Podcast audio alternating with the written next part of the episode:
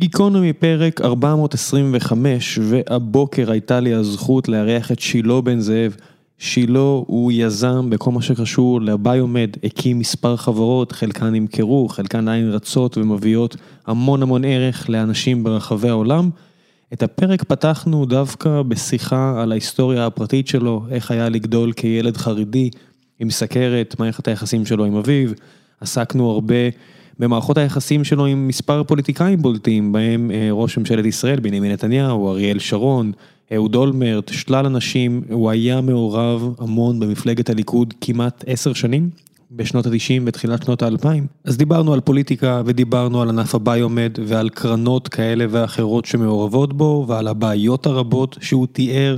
נכנסנו ללא מעט נושאים, מקווה שיהיה לכם מעניין. ולפני שנגיע לפרק המרתק הזה, אני רוצה לספר לכם על נותני החסות שלנו. והפעם זה פודקאסט אחר, מפלגת המחשבות. נוערים לקלפיות, רבים במליאה, חוסמים כבישים, צרים על בלפור, שביתות, הפגנות, מה שאתם לא רוצים. החברה הישראלית היא חברה פוליטית, מאוד מאוד פוליטית. אבל על מה בעצם כולם רבים?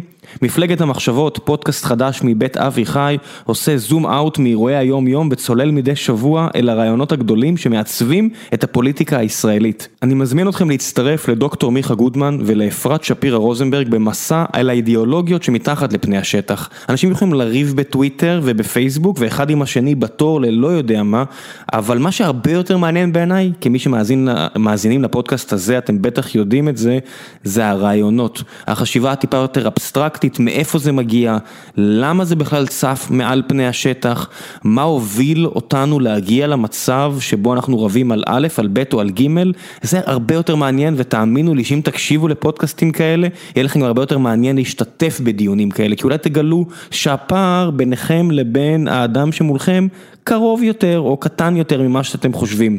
אז עכשיו באתר של בית אבי חי ובכל פלטפורמות הפודקאסטים המובילות, הפודקאסט מפלגת המחשבות. מקווה שתהנו.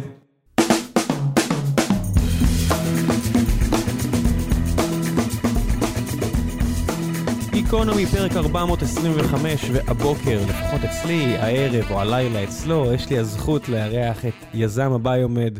שילה בן זאב שכבר הקים שבע חברות, שעשה לא מעט בחייו, יש לנו כל כך הרבה על מה לדבר, מסכרת ועד מפלגת הליכוד, והעולם החרדי בארץ, וביומד, וקרנות שנסגרו ונפתחו. שילה, בוקר טוב, לילה טוב, מה העניינים? ערב טוב אצלי, בוקר טוב אצלכם, אני בצפון אוסטרליה.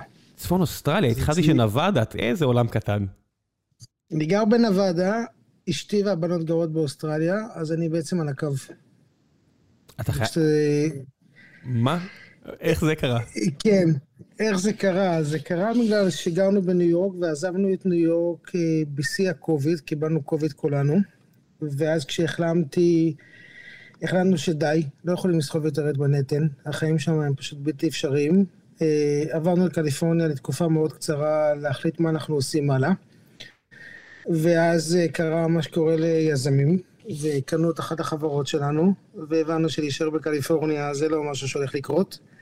אז לפני שנרשמתי באיזשהו מקום, אשתי שהיא אוסטרלית החליטה שהיא מעדיפה לחזור למשפחה, אחת ההשפעות של הקוביד, ואני מנהל חברה שנדבר עליה בארצות הברית, אז אני בעצם נוסע. עכשיו בגלל הקורונה, אז אני בעצם, אתה יודע, עושה את זה שלושה חודשים, שלושה חודשים, כי כל פעם זה 15 יום בידוד מוחלט פה. וואו. אז אני לא יכול לעשות כל שבועיים, כל שבוע. אז עליך עברה שנה, שנה די אינטנסיבית. עליי עברו שלוש שנים מאוד מאוד אינטנסיביות, כן. השנת קורונה הייתה מאוד מאוד אינטנסיבית, מאוד מעניינת. לא יכול להתלונן עליה מהצד שלנו. נגמרה טוב, והייתה שנה מאוד מאוד אינטנסיבית וקשה. להיות חולה קורונה בהתחלה עם סכרת, זה לא משהו מומלץ לאף אחד. אנחנו נדבר תכף הרבה על, על סכרת גם. למה לא קליפורניה? מעניין אותי, יש לי עכשיו הדר של חברים, מכרים, עמיתים בעבודה, שעושים את החזרה הזו מאיפה שנחשב למקום הכי טוב בעולם, והרבה מהם חוזרים ארצה. מה, מה הבעיה בקליפורניה? קודם כל, מבחינתי הבעיה הייתה מיסוי. אני משלם מיסים בכיף, כל מה שזה בגבול הנורמלי. אם אתה צריך לשלם 67% על קפיטל גיין, זה לא יקרה אצלי, אין שום סיכוי. ומכיוון שאני עדיין לא הייתי תושב קליפורניה, אלא הייתי שם חודש, פחות מחודש כזה, אתה יודע, באמצע, יכולתי לצאת מזה. לשלם מיסים זה דבר נורא נורא טוב, מאוד מאמין בזה, עד גבול מסוים. לשלם למדינה שלא נותן לך לא חינוך, לא רפואה, לא כלום. אתה מקבל במדינת קליפורניה כלום, אבל תשלם על 67% על חשבון הילדים שלי, זה פשוט היה נשמע לנו מטורף.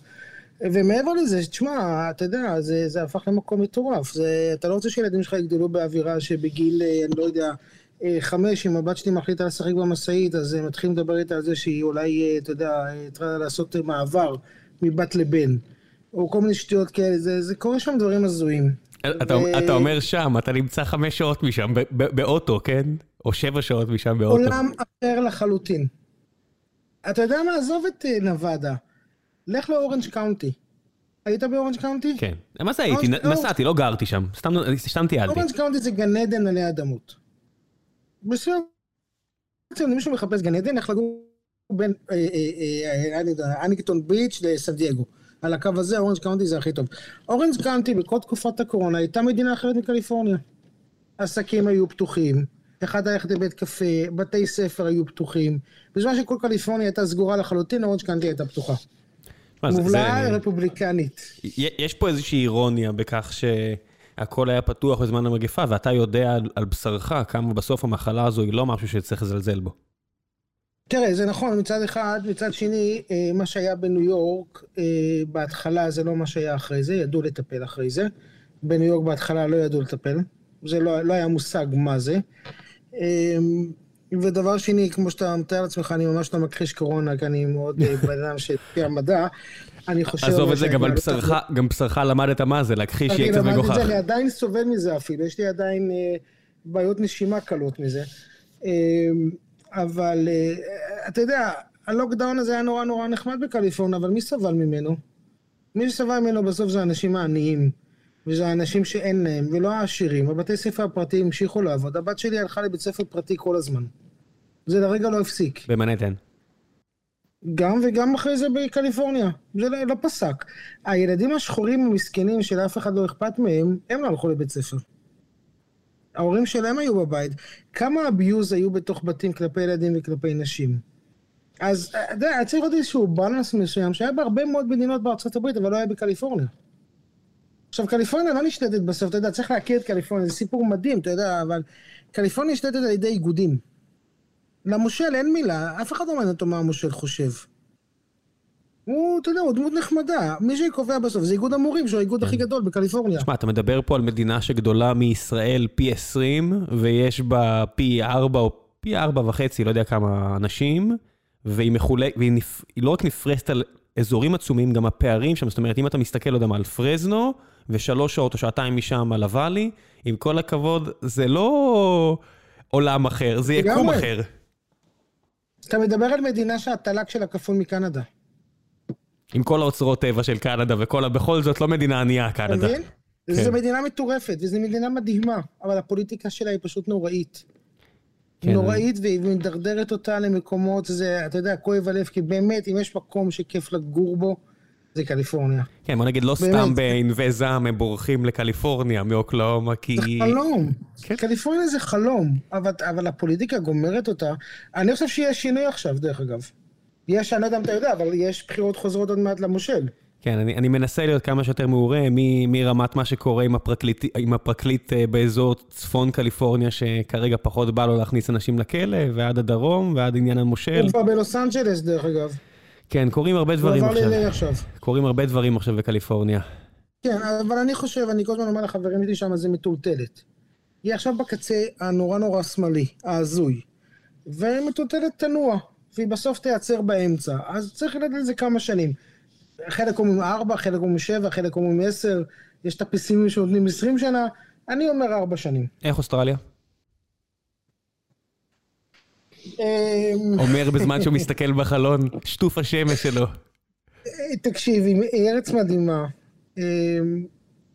אני חייב להגיד משהו לא כך נעים, אני חושב שהיא נורא גזענית.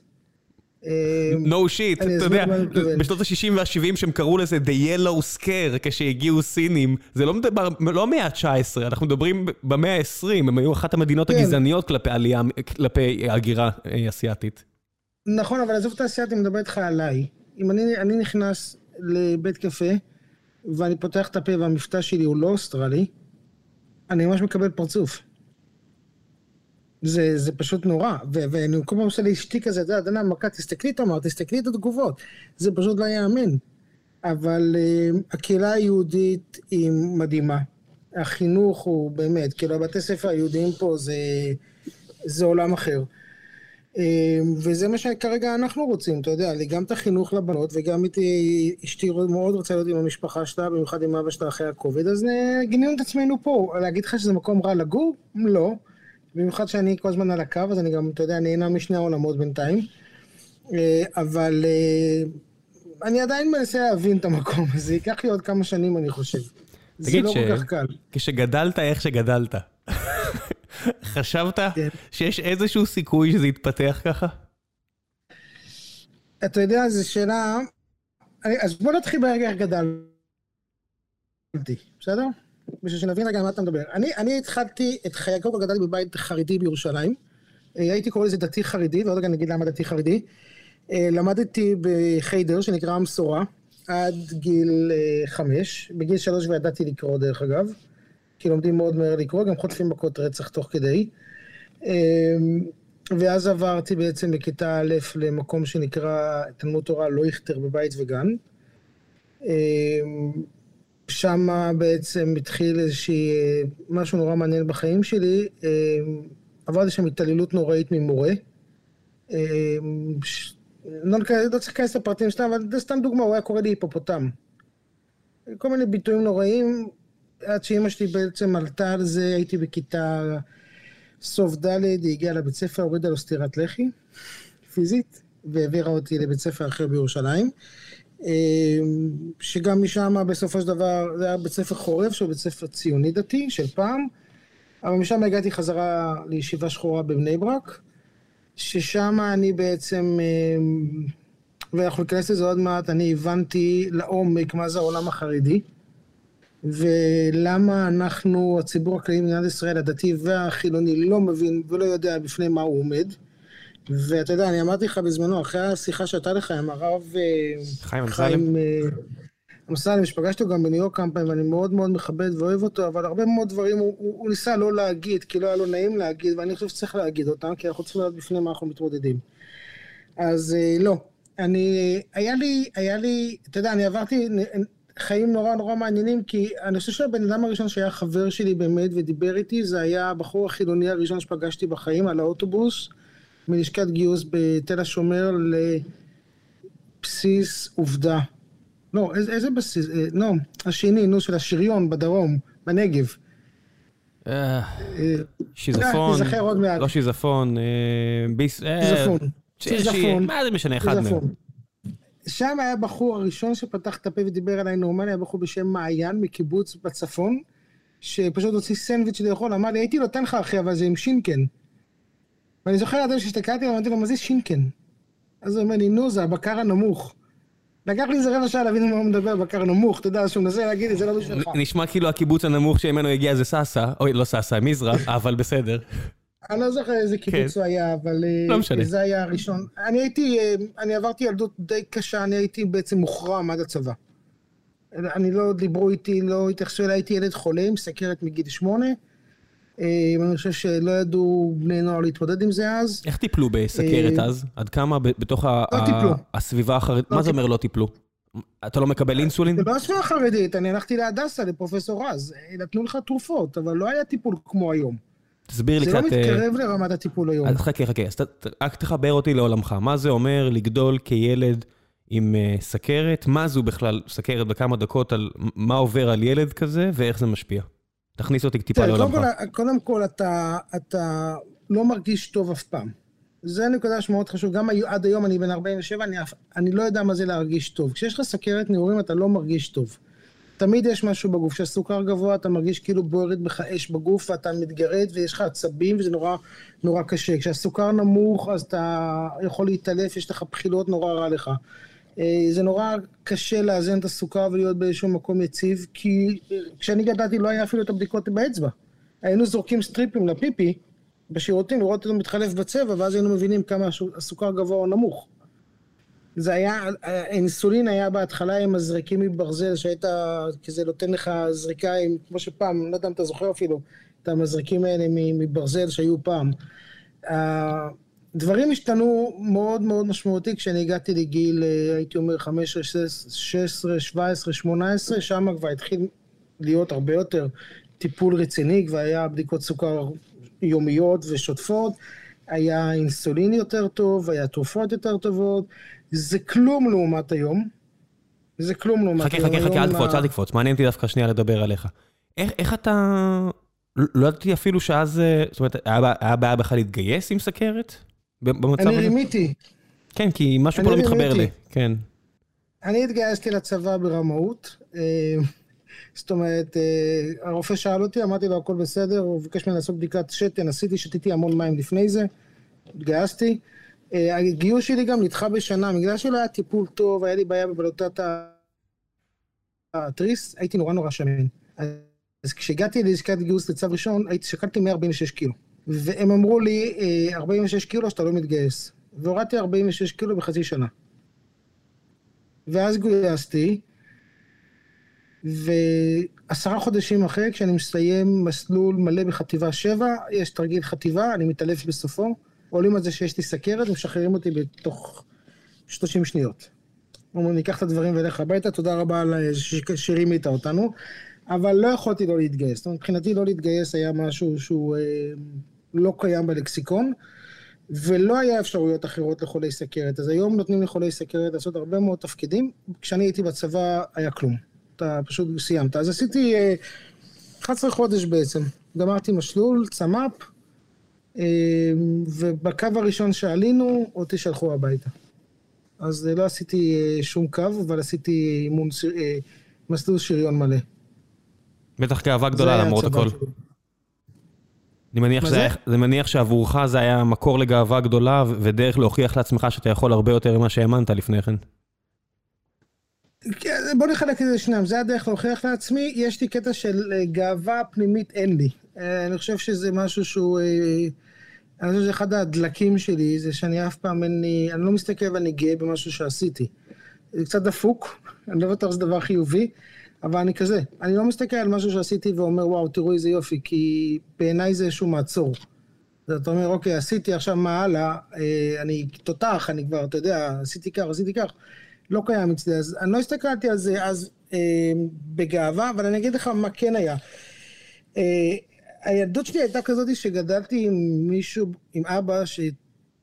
אה, ואני מספר את הסיפור הזה לא בגלל שאני רוצה לספר את הסיפור, אלא בגלל שאני מקווה שיום אחד ילדים ישמעו את זה, את מה שאנחנו מדברים עכשיו. אה, נערים, אה, שיש להם, אה, אתה יודע, נערי, נערות וילדות קשה ובעיות בבית, שהם ישמעו את זה. אני גדלתי עם אבא שהמשפט הראשון שהיה לו, הראשון והאחרון שהיה לו לומר לי היה אתה אפס.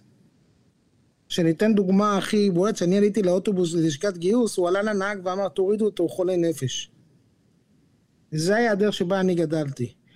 אז אני מספר את זה כי אני חושב שנערים שנמצאים במקום הזה צריכים להבין שזה שאומרים לכם, יופי, אתם יודעים מי אתם, ואני ידעתי בתוך תוכי היה לי ברור לאן אני הולך ומה אני הולך לעשות בחיים. ולכן זה לא ממש באמת אה, שינה לי. אז גם להגיע לצבא, זה היה מבחינתי, אני חייב לעשות את זה, ולא יעצרו אותי בדרך. וברגע שעברתי את המסלול הזה, והצלחתי גם לרדת במשקל, גם לגמור מסלול בשריון, זה ששחררו אותי בסוף הפחות הדאיג אותי כבר. זה לא היה מדאיג אותי. אני בעצם עשיתי את מה שאני צריך לעשות. לאחר מכן? איך אתה מתגלגל למצב שאתה עם בנימין נתניהו, 1993, אריאל שרון, הירשיזון, כל החבר'ה האלה בשנות ה-90? זהו, אני הלכתי אחרי זה, חזרתי, לפני הצבא למדתי בישיבה, שנקראת עטרת כהנים במזרח ירושלים. החבר'ה שעכשיו עושים את הבלגן. הידועה לשמצה, כן. כן. חזרתי לשם אחרי צבא, ואז מתחיל סיפור אוסלו, והרב אבינר ראש הישיבה שם קורא לי יום אחד ואומר לי, תקשיב, שני ילדים שאתה לא הולך להיות ראש ישיבה. אז אורי אריאל ממועצת יש"ע צריך עזרה, לך לעזור לו. עכשיו, אני תמיד הייתי כזה קמב"ץ, אתה יודע, יודע לארגן אירועים, יודע לארגן דברים. חכה, חכה, חכה, אני צריך, ממש מעניין אותי העניין הזה. זה, זה מה שנקרא השבאב, זה מה שנקרא הילדים החרדים שברור שהם לא יכולים לשבת עכשיו 14 שעות מול ספר, אז הם בחוץ כל הזמן, אתה אחד מאלה? בשלב הזה אני לא חרדי. זאת אומרת, אני בשלב הזה כבר אחרי שהייתי שנה ומשהו בישיבה שחורה בבני ברק, אה, שעזבתי אותה, אה, ברחתי משם יותר נכון. אמא שלי אמרה, עד כאן, נעמדה לרגליים האחוריות שלה, שלחה אותי לישיבה תיכונית ברמת הגולן. לצערי, בגלל, אה, בטח אז היו מאבחנים אותי עם הפרעת קשב ונותנים קצת רטלין, אבל אף אחד לא אבחן אותי. לצערך? לא, לא יודע, נראה לי שהסתדר בסדר. כן, אבל אה, אתה יודע, תמיד שאומרים לי, לא צריך קולג' אה, או אוניברסיטה, כי הנה, אתה הצלחת וזה, אני אומר, זה לא נכון. זה לא נכון. לימודים זה דבר נורא נורא חשוב. אני לא מאמין בסיפורים האלה שבוא לא נלך לאוניברסיטה כי משאיר את הראש שלך פתוח. אני מאוד מאמין בהשכלה ובחינוך, ואני חושב ש... שצריך ללמוד. אני, אני לא, אין לי תעודת בגרות, אין לי כלום. זה, אני ממש לא למדתי. לא הייתי מסוגל נפשית, זה לא שאני לא רציתי. אני, אני אומר לך, אני זוכר את עצמי יושב בשיעורי מתמטיקה עם מורה בשם בישי, אני לא זוכר אותו, ומנסה להבין ולא מצליח. ממש יושב בכיתה ומנסה להבין איך, איך עושים משוואה בין שני נעלמים. פשוט לא מצליח. היה לי כל כך הרבה עליי, נסעתי כל כך הרבה, מ, אתה יודע, מהילדות, מכל, מכל מה שהתמודדתי איתו, וגם הייתי מוחרם באותה תקופה, אף אחד לא דיבר איתי במשך ארבע שנים, אז אתה נמצא בתוך כל הסיטואציה הזאת, זה נורא נורא נורא קשה ללמוד. פלוס לא סוכר ללמוד. בדם לא מאוזן. אתה יודע, בסוף אה, העניין הזה קצת משפיע על היכולת לשבת ולהתרכז. גורם לך להמון עצבים. כן. המון עצבים בגוף, כן. המון המון עצבים. זה קשה נורא להסביר את זה, זה כאילו שאתה יושב, כל הגוף מגרד לך. זה, אני תמיד אומר לאנשים, להורים שיש להם ילד חולה סכרת והם, אתה יודע, טייפ 1 ושואלים איך, אומר, דבר אחד תעשו לי טובה, כשילד עצבני, אל תצעקו עליו חזרה, תבינו שזה כאילו שהגוף שלו תחת אש עכשיו. ולכן הוא צועק והוא עצבני. לא יודע, אני... וכן. אני, אני ארחיב את מה שאמרת עוד יותר. אני מוצא את עצמי, אתה יודע, הילד שלי כבר כמעט בן שלוש, ואני מוצא את עצמי בסיטואציות האלה ש... שהוא, אתה יודע, הוא יכול להטריף.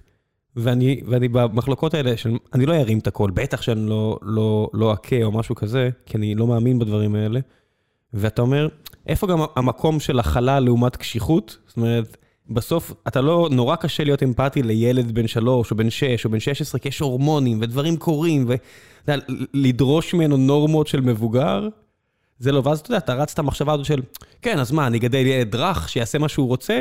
ואז אני אומר, אוקיי, אני, אז איתי היו קצת קשוחים, ועדיין עשיתי מה שרציתי, ורשימת הדברים ש, שאני יכול למנות, שעשיתי בגילאים אני אומר, וואו, איזה מזל שאני חי, באמת ככה, איזה מזל שלא, שלא I didn't fuck up, ובסוף, אתה יודע, התיישרתי בצורה כזו, ומצאתי את הקשיחות במקום אחר, ולא עם הקשיחות הזו. אז מה שאמרת עכשיו על תנסו להבין את הילד, בוא נסכים שצריך להרחיב את זה לכולם, לא רק לילדים עם סכרת, אבל במיוחד, בוודאי, במיוחד, ילד, במיוחד, ילד במיוחד. ילד שיש לו סכרת, הוא ילד נורא עצבני.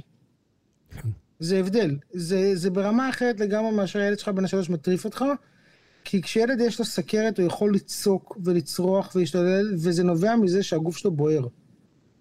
זה ממש בוער, אני אומר לך על עצמי, כשהסוכר שלי גבוה ומשום מה אני לא מצליח לאזן אותו מהר, ואני מאוד מאוד מאוזן, אני ממש מרגיש את הגוף שלי בוער. ואני הרבה פעמים אומר להורים, פשוט תבינו, גם אל תנסו לחבק אותו עכשיו, תלכו. תצאו מהחדר, תנו לזה חצי שעה, 40 דקות, האינסולין ישפיע, ירד חזרה, תאמינו לי, הוא יחזור לנורמליות. בקיצור, הרב אבינר אומר לי, אני לא הייתי חרדי אז, ישיבה לא חרדית, והוא אומר לי, אתה לא, עזוב אותך, לך, לך, לך לאורי אריאל, תעזור לו. ואז מתחיל איזה תהליך שאני הייתי הכל שם, הייתי נהג שלו, קמב"ץ, ארגנתי הפגנות, הכל. האמנת בזה אידיאולוגית? אתה חלק מהעניין? אז כן. לגמרי. לא, אני מדבר אז. אז אתה מגיע חדור רוח קרב, אתה מסתכל בזה תור שליחות כן. ציונית, 1993. אני, היה לי קשר נורא טוב עם רבין, דרך אגב. באיזה סיטואציה? היה לי קשר נורא... בגלל שהייתי, עבדתי עם אורי הראל, הייתי מגיע לפגישות איתו. ואני גדלתי עם הרבה, המון כבוד, וגם היה אז המון כבוד לראש הממשלה. זה, זה היה משהו מאוד אה, אה, מוטמן אצלי, וכשהוא היה עובר אני הייתי נעמד, נותן כבוד, והוא תמיד היה מדבר אליי, ותמיד היה, אתה יודע, מה נשמע, שואל, תמיד היו שיחות, שמעון שבס תמיד אהב לדחוף אותי לבפנים. אמ, גם נפגשנו לפני איזה שנתיים בניו יורק, ופתאום עלו הרבה חוויות מזה. אמ, היה לי קשר עם המון, אז היה נורא מצחיק, הייתי ילד, אני חושב שהייתי סוג של ילד שהם לא הבינו מה הוא עושה שם, ולכן כולם נורא אהבו אותו, אז היה לך אלופי פיקוד כמו אילן בירן, שהייתי הילד הקטן והחמוד שלו, והיה אה, ראשי ממשלה, ו, ו, ומי שבעצם שם על היין אז היה איווט ליברמן, שבא אליי יום אחד ואמר לי, תעזב אותך מהדוסים האלה, בוא לעבוד איתנו. והעבירו אותי בעצם לעבוד כן. עם ביבי. למי שלא מכיר, איווט ליברמן אז אחד הכוחות העולים בליכוד, ביבי מזהה אותו, מביא לו הרבה מאוד סמכויות, ואיווט... ליווט, עזוב, עזוב התואר הרשמי, הוא באמת הכוח שמניע את הליכוד, הוא הגוף המארגן של הכל באיש אחד. הכל. כן. איווט הוא, ודרך אגב, בן אדם מדהים. עזוב רגע את הדעות, מי שאוהב לא אוהב, כבן אדם, אם אתה חבר שלו, אתה... הוא לא יעזוב אותך. הוא, אני עשיתי תאונת דרכים בבחירות 99, נרדמתי באמצע הלילה, התקשרתי לנהג שלו, איווט היה שם אחרי 20 דקות. אין אצלו משחקים. איווט הוא, אה, הוא, הוא, הוא בן אדם מאוד מיוחד במובן הזה, והוא אמר לי אה, בוא, ונהיה קשר מאוד מאוד טוב ביני לבין אה, ביבי אז.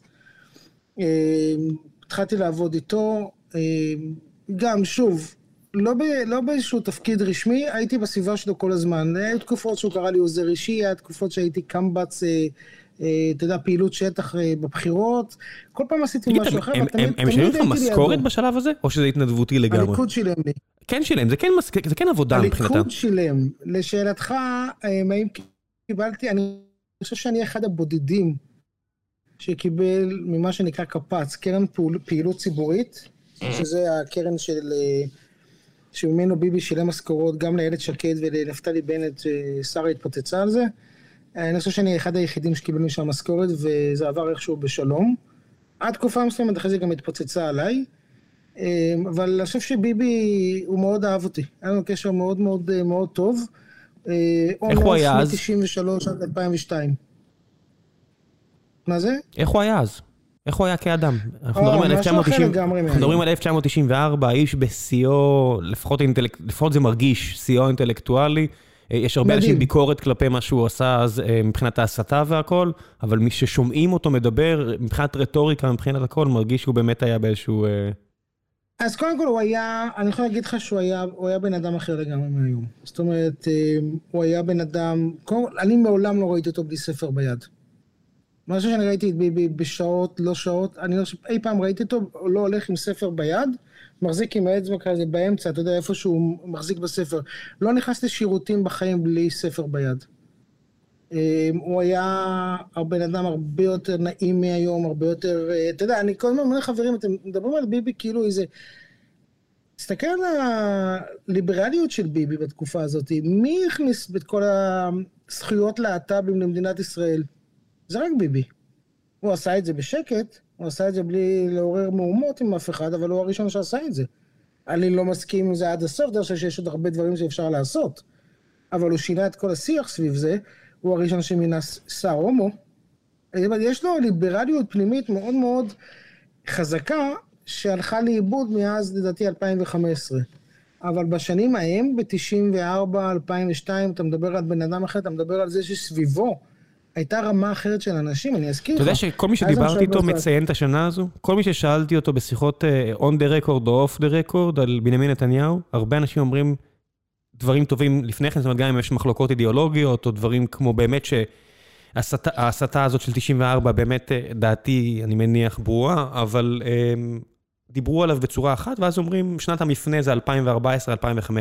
באמת מעניין אותי. אני אגיד לך משהו על ההסתה הזאת, אני רוצה להגיד לך משהו עליה. היה לי הרבה שיחות על זה עם בן כספית, והוא יכול להעיד על זה.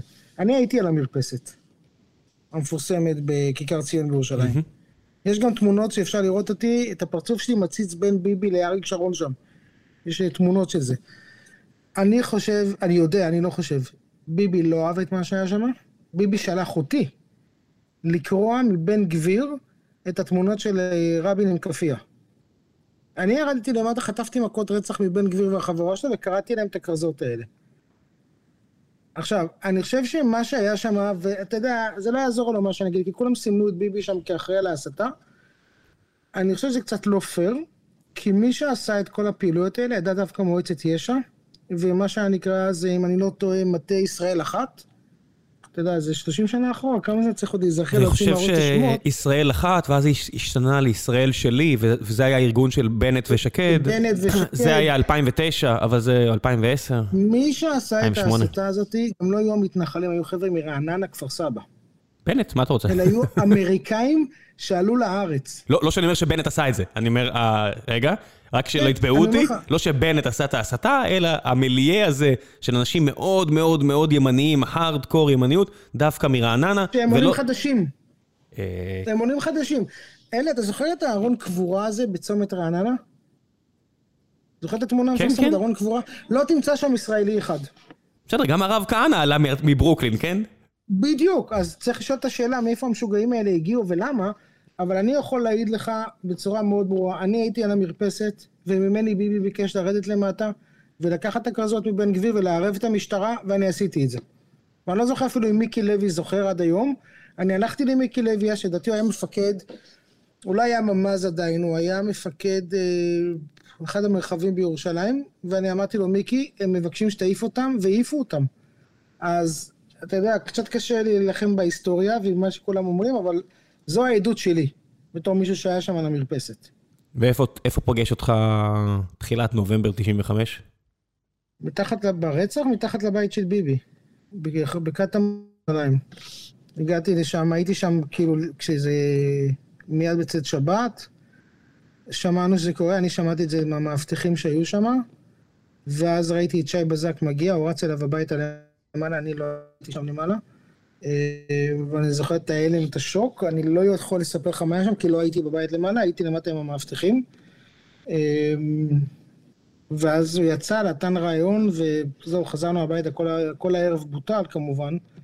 אה, אבל כן, תקופה מאוד לא... אתה יודע, לא נעימה מכל הבחינות. היה גם מאוד לא נעים להסתובב אז עם כיפה סרוגה על הראש. אני מתאר לעצמי. לא בירושלים ולא בתל אביב. איך היו הבחירות של 96, לאחר מכן? הבחירות מנקודת מבט שלי היו מדהימות. זה אחת הניצחונות הגדולים של הליכוד, בגלל זה אני שואל. אנרגיה חלומית, באמת, אפשר לשאול אותה רק להקמת חברה חדשה. כשיש לך רעיון בראש ואתה הופך את זה למוצר, זו הייתה אנרגיה מדהימה. אה, אני הייתי אז ב-96 אחראי על השלטים בכביש ירושלים תל אביב. מלחמת עולם, מלחמת עולם ביני לבין כבל, איתן כבל. איתן כבל היה מקביל עבור שמעון פרס? כן, ואנחנו אפילו בינינו לילה אחד במעצר במשטרת בית שמש. הלכנו מכות. הלכנו מכות ליד קריית יערים, ליד אבו גוש, על שתתים. אז מפקד המשטרה בא, מה שניכם בואו איתי, עצרו אותנו ללילה במשטרת, אה, איפה זה היה? משטרת בית שמש, אני חושב. בילינו שם לילה בתא מעצר, אני ואיתן כבל. יש איזושהי אחווה, או שזה ממש אה, שנאה עזה באותו רגע? לא, אין שנאה. אני, אני לא שונא בכלל, אני לא יודע מה זה. הרגשת לא, לא שנאה מהצ... מהצד של איתן? לא, ממש לא. לא, זאת אומרת, מה פתאום, איתן אחים חיבוקים ונשיקות. שני יריבים שבמקרה משני צידי המתרס. כן, חיבוקים ונשיקות, זה לא, תקשיב, זה עולם אחר מהיום, אין את האיכסה הזה של היום. היינו נפגשים, שותים קפה. אתה אומר אין את האיכסה, אתה ביחד איתו בתא מעצר אחרי שהלכתם מכות, כן? כן, אבל אתם מכות כאלה, אתה יודע, שמתעצבנים רגע, אבל זה לא, לא נשאר, אין... לא הייתה שנאה.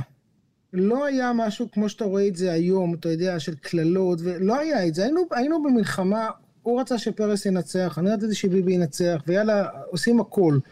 אבל גמרנו לך מכות, התחבקנו, כאילו, אוקיי, אתה יודע, בסוף אפילו אמרנו, אוקיי, אתה יודע מה, קח אתה היום מצד ימין, אני צד שמאל, מחר מחליפים. באמת, ככה היינו עושים, כי, כי לא, זה אותו עם. השנאה הזאתי, שפתאום קמה ובאה לה בארץ ישראל, אתה יודע, אני, אני, אתה יודע מי זה הרב בן הילאו? אתה יודע מי זה הרב בן הילאו, נכון? אתה יודע, אני מכיר את השם, אני לא אגיד לך שאני מכיר אה, לפרוטרוט מאמר כל אה, זה. זה פשוט לא מהעולם שלי. איש מופלא.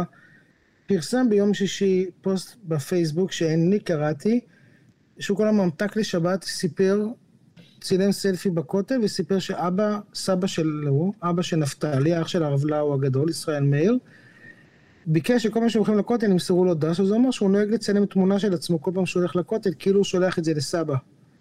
300 תגובות יש שם, כולם קללות. כולם מקללים אותו. למה? כי הוא, נתן, הוא כתב מכתב תמיכה לבנט. נכנסתי להסתכל. אתה רואה אנשים מבוגרים, אתה לא רואה, זה לא ילדים, זה ירושלמים מבוגרים, אנשים בעלי משפחות. מקללים בצורה שאתה כאילו... תשמע, קרובי משפחה שכאלה, אין לי מה לברוח מזה, קרובי משפחה שלי שמאוד מאוד אוהבים את בנימין נתניהו, אני רואה את ההקצנה אצלהם לאורך השנים, אם אה, זה מקריאות אה, בוגד למופז, כשמופז מעז לבגוד בבנימין נתניהו, כאילו שבנימין נתניהו זה המדינה, כאילו שיש דבר כזה לבגוד כן. באדם, ועד לעכשיו שכל מי ש... אתה יודע, זה ביבי versus the world. אבל אתה יודע, אני אגיד לך, אני תמיד, באמת אה, זה חברים שלי, אני הסתובבתי עם ביבי כבר ב-94, 95, 96, ואחרי זה גם, תקשיב, הוא היה עולה על במה בדימונה, בירוחם, אתה, היה לך צמרמורת. אנשים עמדו שם וצרחו את השם שלו, אתה לא יכולת לקבל צמרמורת. אנשים לא זוכרים, היה מיד אחרי הבחירות שלו בגן סאקי בירושלים, היה חג סוכות, היה אירוע, לדעתי היו שם 100 אלף איש. עליתי על הבמה איתו, ואני אני אומר לך, אני פעם שאלתי את פיני גרשון, איך אני מרגיש שאנחנו צועקים לו ביד אליהו, עשרת אלפים איש פיני, הוא אמר לי כמו שהרגיש לך על ה... בגן סאקר עם ביבי. עמדת שם ומאה אלף איש צעקו את השם שלו, אני לא חושב שהיה מישהו כריזמטי כמוהו. לא, לא, לא. הבעיה היא... אין אפילו אחד שמתקרב לזה. שהוא לא לקח את זה, הוא לא לקח את זה ועשה עם זה משהו טוב. זה הבעיה. הוא לא לקח את כל הדבר המדהים הזה שנקרא בנימין נתניהו ושינה את מדינת ישראל. עכשיו, אני אומר לך משהו... הוא שינה בוודאות את מדינת ישראל, או סייע לשנות בוודאות את מדינת ישראל, חלק לטוב, חלק לרע. להגיד שהוא לא שינה לאורך כל כך הרבה שנים, זה בטח לא נכון. אתה יכול להביא לי פרויקט לאומי אחד שאתה יכול להגיד, בואנה ביבי עשה את זה? אני באופן כללי לא פחות מאמין ש... משהו שאתה יכול להגיד, עשר שנות שלטון, או 25 כן. שנות שלטון למען האמת? אני באופן כללי פחות מאמין שראש הממשלה עושה פרויקטים גדולים, אבל רוח המפקד אה, בהחלט אה, ישנה. בשנים האחרונות, לצערי, זה בעיקר, מה שאני משייך את זה, אליו, זה בעיקר את הפילוג, מהצד שלי. זאת אומרת, והוא עושה את זה בצורה די פעילה עם שמו. אני לא יודע, אני לא חושב שהוא זה שכותב פוסטים, או הוא זה שמוציא הודעות, אני חושב שזה אנשים אחרים, אבל זה בשמו. אה, וזה מבחינתי מספיק קרוב כדי להגיד. אני לא יודע, אני לא הולך למילים האלה. זה אתה תגיד, אה, כי אתה מכיר אותם, אני לא מכיר את ה... אני אומר את זה מידיעה. כן, כן, אני אומר, אני לא מכיר. אני אומר את זה מידיעה. אתה מכיר, אז אני לא, לא מרשה לעצמי להגיד, אבל אני אומר, ההודעות שאני קורא משם, זה לצערי המורשת הגדולה בשנים האחרונות, מעבר לדברים שהם... אתה יודע, דברים כמו מאבק באיראן וכל הדברים האלה, עם כל הכבוד, אם יש מישהו שמצמיד מטען לספינה בלב ים, זה לא בנימין נתניהו, אלא קבוצה של לוחמי שייטת, ומעליהם יש קצינים בחיל הים, ומעליהם יש רמטכ"ל, ומעליהם יש מסביבם יש אנשי מודיעין, עד שזה מגיע לראש הממשלה, אני לא נותן לו את הקרדיט הזה, כמו שאני לא אתן לו את הקרדיט, עם כל הכבוד, לזה שיש עכשיו סביבנו, סביבי, פה יש 66, 66 חברות ששוות יותר ממיליארד דולר, ושאני רואה שהליכוד לוקחים על זה את הקרדיט, ואני אומר, באיזה שלב... בחיי החברה שלי, הליכוד התערב או עשה משהו. זה שהוא לא הפריע, אני, אני באמת מודה לזה. באמת, יש מדינות כן. אחרות שמפריעים הרבה יותר, מפריעות הרבה יותר. אה, צרפת, איטליה, יוון, מדינות באירופה ש, שיצא לי לראות את זה מקרוב ולשוחח עם חבר פרלמנט שם, שבאמת הן מפריעות ליזמים טכנולוגיים. בארץ באמת מפריעים מעט מאוד, אבל להגיד שעזרו לי מאוד? איפה עזרו לי? אני לא יודע, אני לא, לא רוצה לש... כן, לא יודע מה זה עזרו לי מאוד. אני יכול להגיד לך על עצמי, אני גם הקפדתי לא לקחת כספי מדען אף פעם. לי אף אחד לא הציע, אז אני לא אסטיף פעם את דבר לא טכנולוגי כמו שלך, אבל כן. מה זה? אני אומר, אני אף פעם לא הייתי במקום שבכלל רלוונטי לדברים האלה, אז אני בכלל לא קשור. כן, אני יכולתי לקבל בכמה חברות שהקמנו, אני פשוט לא... אני, אני באופן אישי מתנגד לקחת כספי מדינה לחברות שאתה מקים, יש הרבה דרכים לגייס כסף, אבל אה, לא לקחנו גם כספי, כספי מדען. אה, אני חושב שביבי בשנים האלו הוא אדם אחר לגמרי ממה שאנחנו רואים היום, גם ברמה האישית, האנשים שהקיפו אותו היו רמה אחרת לגמרי, היה שם את אביב בושינסקי שהוא בחור ברמה גבוהה. אח שלו מגיע עוד שבועיים, שי בושינסקי מגיע עוד שבועיים. אביב מגיע. לא, שי מגיע, שי, שי מגיע לגיקונומי עוד שבועיים. אח שלו. כן, אח שלו מגיע. כן. היה שם שי בזק, והיה שם גבי פיקר, והיה שם... אה, כן, מרידור, ומלא אנשים שהם ברמה יחסית מאוד גבוהה. כן, מרידור רק לא סבל אותו מעולם, אבל הם היו שם, אתה יודע, הם בהחלט היו אנשים, הליכוד היה אנשים ברמה מאוד מאוד גבוהה. זה היה אנשים, באמת, קלאסה. זה, הליכוד של היום זה לא הליכוד שאני גדלתי בו, זה, זה לא אותו ליכוד בכלל. מה הוביל אותך לדרך היזמית ולעזוב את הפוליטיקה? זאת אומרת, אמרת, הסתכלתי, 93 עד 2000, 2000 שרון... 2002. אז מה, זה אריאל שרון שבר אותך? לא, אני אריאל שרון, אני מכיר, אני עבדתי איתו, ואני, אריאל שרון, אני עבדתי עם, אני, אני, יש לי סיפור מאוד מיוחד בזה, אני עבדתי גם עם ביבי, גם עם אולמרט וגם עם שרון. עם כל אחד מהם. אה, שרון, אתה יודע, שרון היה מלך. זאת אומרת, על אריק שרון אתה לא מדבר איתו כמו שאתה מדבר עם ביבי או עם אהוד אולמרט, כשאתה מדבר עם אריק שרון אתה שומר על איזשהו מרחק אה, גם פיזי וגם אה, כבוד. זה אריק שרון, זה לא אותו דבר כמו שאתה מדבר. מאיפה זה מגיע? כי אתה מכיר את מה שהוא עשה בצבא, מאיפה זה מגיע? אתה גדל לתוך זה. אני גדלתי בבית חירותניק שאריק שרון הוא אלוהים. אשכרה אלוהים. יותר מביבי. מה זה ביבי? אריק שרון זה מלך. מדהים. תתחיל עם אריק שרון, אחרי זה בוא נדבר על כל האחרים, זה כמה דורות למטה. זה לא אותו עולם. אריק שרון זה אריק שרון, וזה משהו נפרד לחלוטין. דרך אגב, כל מי שעבד עם אריק יגיד לך את זה, אה, אתן לך רשימה של שמות של חבר'ה צעירים שעבדו איתו כשהיה ראש ממשלה, הם כולם יספרו לך. לא היה דחקות, לא יכולת לצחוק איתו, לא כי הוא לא צחק. למה? כולם אמרו שהיה לו חוש הומור מדהים. מדהים, אבל אתה לא הרשית לעצמך לספר בדיחה לידו, כי זה אריק. היה כבוד נורא נורא גדול אליו, שאין כלפי ביבי. לאהוד אולמרט זה סיפור אחר, אהוד אולמרט בעיניי הוא אה, הפספוס הכי גדול של הפוליטיקה הישראלית, ובן אדם שחבל, חבל, חבל, שתושבי מדינת ישראל לא יודעים כמה הוא איש מקסים, אני, וכמה הוא עוזר לאנשים. אני אגיד במאמר מוסגר שהאורח הבא הוא חבר טוב שלי, הוא הבן של אהוד, ובגלל... בגלל הקשר שלי לשאול, אה, אז יצא לי להיות כמה פעמים אה, ליד אהוד, בגלל זה גם אני מנסה לא לדבר עליו אה, בפודקאסט, כי אני לא... אז אני יכול לדבר עליו רגע. אני לא אובייקטיבי, אז אני לא... אז אני אדבר עליו רגע. אנשים צריכים לדעת שאהוד אולמרט הוא בן אדם שלא היה עובד אחד בעיריית ירושלים, או עובדת אחת ש... בדיוק מה קורה איתו, מה הוא צריך בחיים ומה חסר לו, והוא דאג שיהיה לו. זה לא היה באוויר, הוא ידע מי העובדת ניקיון ועד מי שהכין את הכוס תה, מה היא צריכה בחיים ולמה היא צריכה, והוא היה דואג לזה, וזה לא היה הצגה, כי אף אחד לא ידע מזה. זה לא שזה ידעו שהוא דואג, ל, אני לא יודע, לבת של המנק, לבן של המנקה לאוניברסיטה. הוא ידע את זה. והוא היה, הוא איש בעיניי, אני, אני ממש אוהב את אהוד אולמן, אני חושב שהוא הפספוס הכי גדול שלנו. אמ, וזה לא דברים שתראה אצל ביבי, כי לביבי אין, אין אנושיות. ביבי לא... לא רואה מה קורה סביבו. זה לא שביבי פתאום יחבק אותך ויגיד, מה, נפרדת מהחברה? הוא לא רואה את זה, הוא סוג של, אה, אתה יודע, אה, אני לא יודע, אספרגר אולי, כאילו, הוא, הוא גאון כזה שנורא נורא לא אנושי במובן הזה, הוא לא... אתה לא מרגיש נוח לבוא ולספר לו מה שאהוד אומר, אתה יכול לבוא ולהגיד לו, תקשיב, אהוד, כואב לי הרגל, והוא תוך שתי דקות ידאג לך לרופא.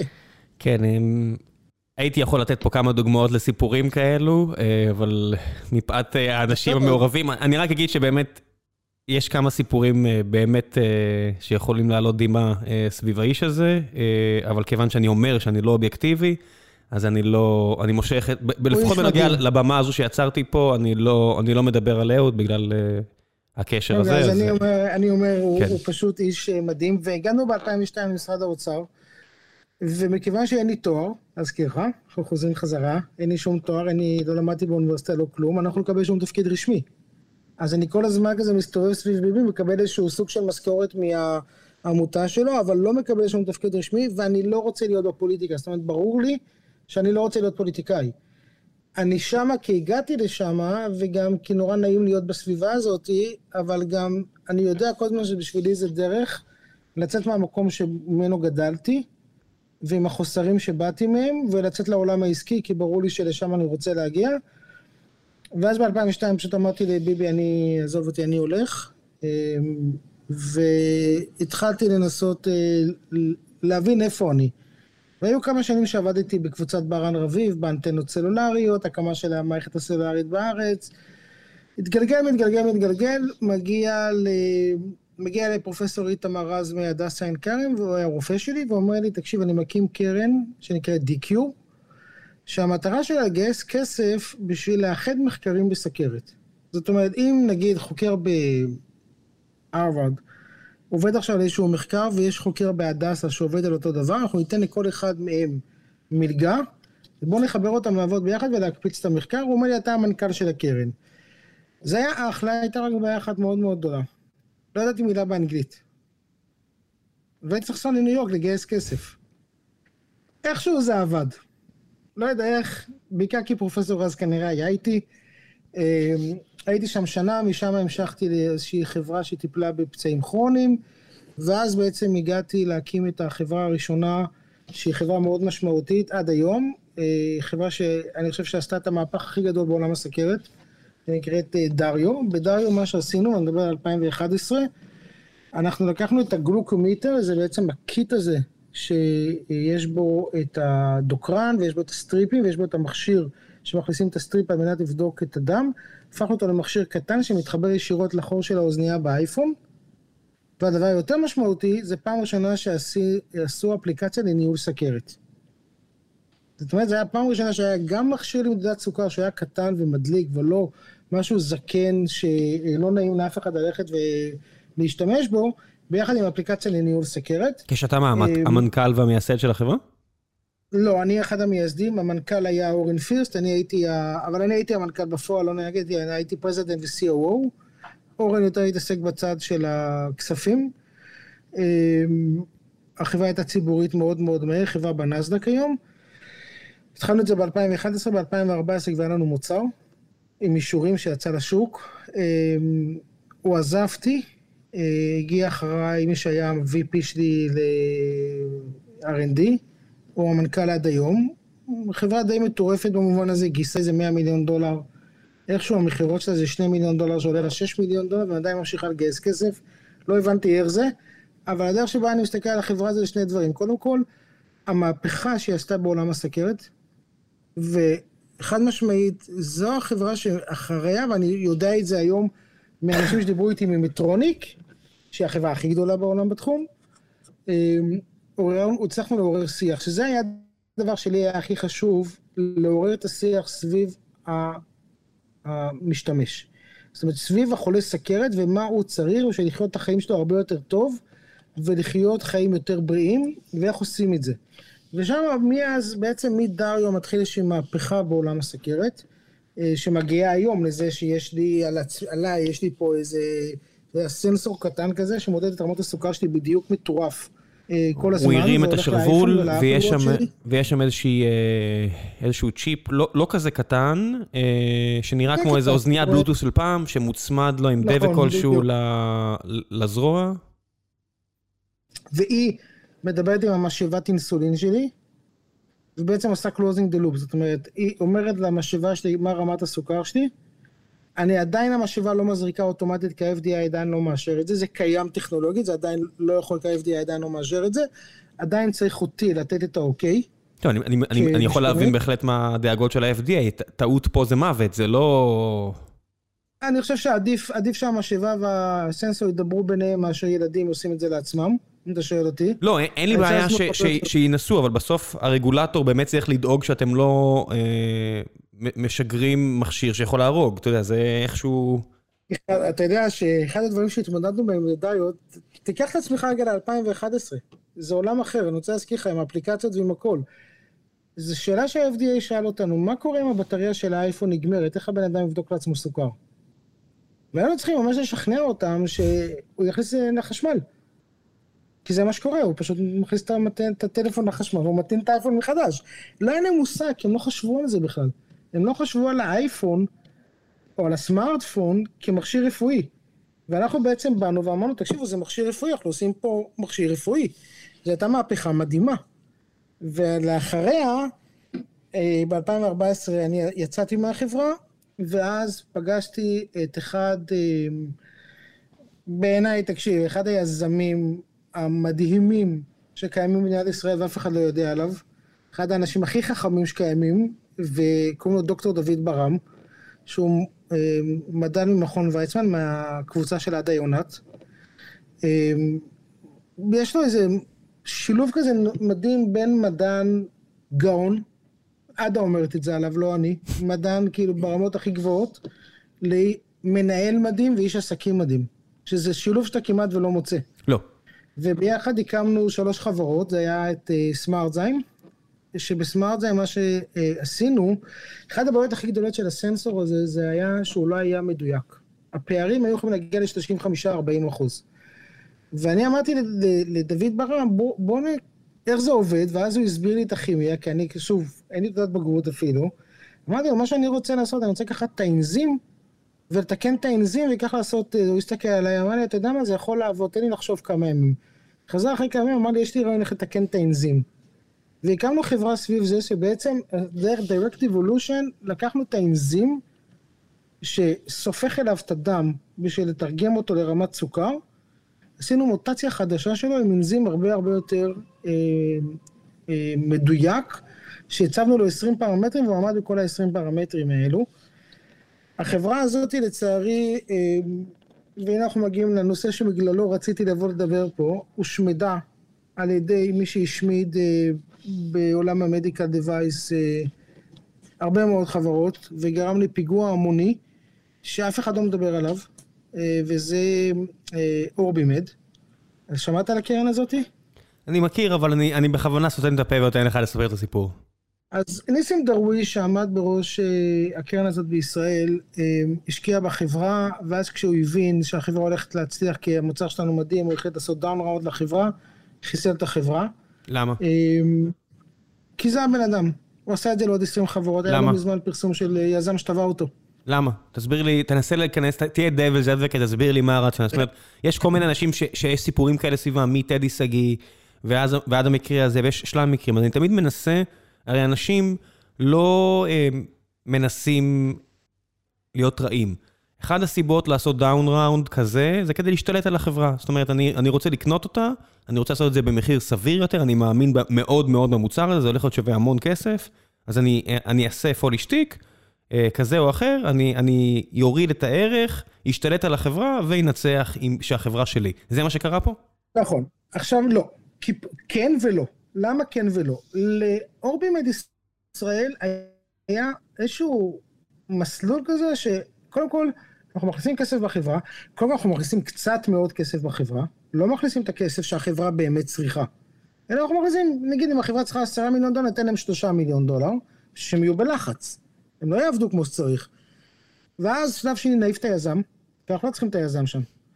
נעיף את היזם, נביא איזה מנכ"ל אמריקאי, כי תמיד האמריקאים יותר טובים מהישראלים, שזה קשקוש מקושקש בתחום הזה.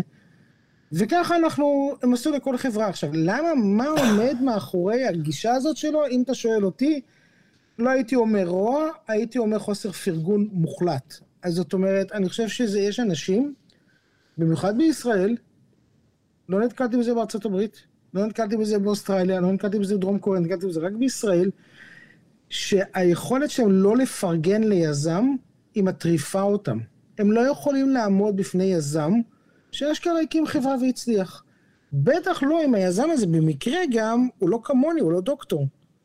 והוא בכלל, מי הוא בכלל? מאיפה הוא גדל? מאיפה הוא הגיע אלינו? מה, מי זה הילד הזה בכלל שבא מירושלים מאיזה דוסים שמה, ומעז להקים לי פה שלושה חברות ועוד לבוא עם רעיונות כאלה שמצליחים. והחוסר, זה פשוט, אני לא, יפר, אני לא מפרגן לו. ואז יש ניסיון, ולא רק אצלי, תשמע, יש פה קרן שלמה שלא החזירה דולר. הקרן הראשונה של אורבימט שהייתה בשיתוף משרד האוצר, לפי מה שאני יודע ובדקתי, וכנראה שאני יודע נכון, לא החזירה דולר.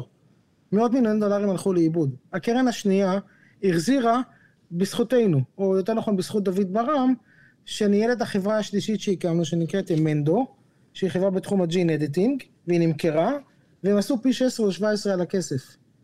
אבל דוד הצליח לעשות את זה כי הוא בן אדם נורא נורא חכם, והוא הבין איך אורבימד עובדת, והוא פשוט, אתה יודע, עבד בכלים שלהם בשביל להכריח אותם לעשות עסקאות. שלא, עולה שאלה, אבל... אמ, באיזה שלב, אתה יודע, אם אתה מגיע לתנין ודורך לו, לו על האף פעם, פעמיים, שלוש, באיזה שלב אתה אשם ובאיזה שלב התנין אשם?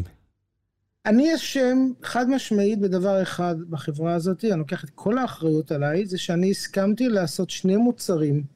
אנחנו עשינו להזכיר לך את האנזים ל-Continuous Glucose Monitoring, והם רצו שנעשה עוד מוצר שנקרא Factor 7, שזה מק... לעצור בבת אחת דימום נורא נורא חזק.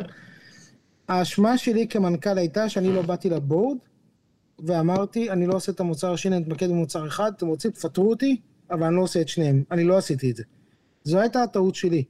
אבל ברגע שהם הבינו שהמוצר הראשון שלנו יכול להצליח בגדול, נפתחה מלחמה. בואו נעיף את, אה, את אה, שילה, נעיף את אה, דוד, נשתלט על החברה לגמרי, נביא אנשים שלנו. בסופו של דבר זה קרה. הוא העיף אותנו, הביא אנשים שלנו והחברה נסגרה. יחד עם עוד 20 ומשהו חברות כנראה שנסגרו ככה. עכשיו, הדבר היותר מדהים בסיפור הזה, שלפני כמה חודשים אורבימד ארצות הברית, שהיא הקרן הכי חשובה בעולם בתחום הרפואה והמדיקל דווייש, סוגרת את הקרן הישראלית, מפטרת אותם, ואתה לא תראה את זה בעיתונות הישראלית. עכשיו, שתבין רגע, זה פיגוע, זה מכונית תופת בתוך עולם המדיקה דווייס, זה מאות מיליוני דולרים שלא יגיעו לישראל.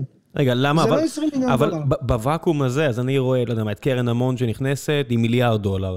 ועכשיו, בזמן שאנחנו מדברים, אה, התקשר אליי אה, אחד המשקיעים שלנו, שאני מאוד מאוד מאוד אוהב אותו, ומן הסתם לא יכול לענות לו, אז אני אדבר איתו תכף, ואני מעריך אותו גם כבן אדם מאוד.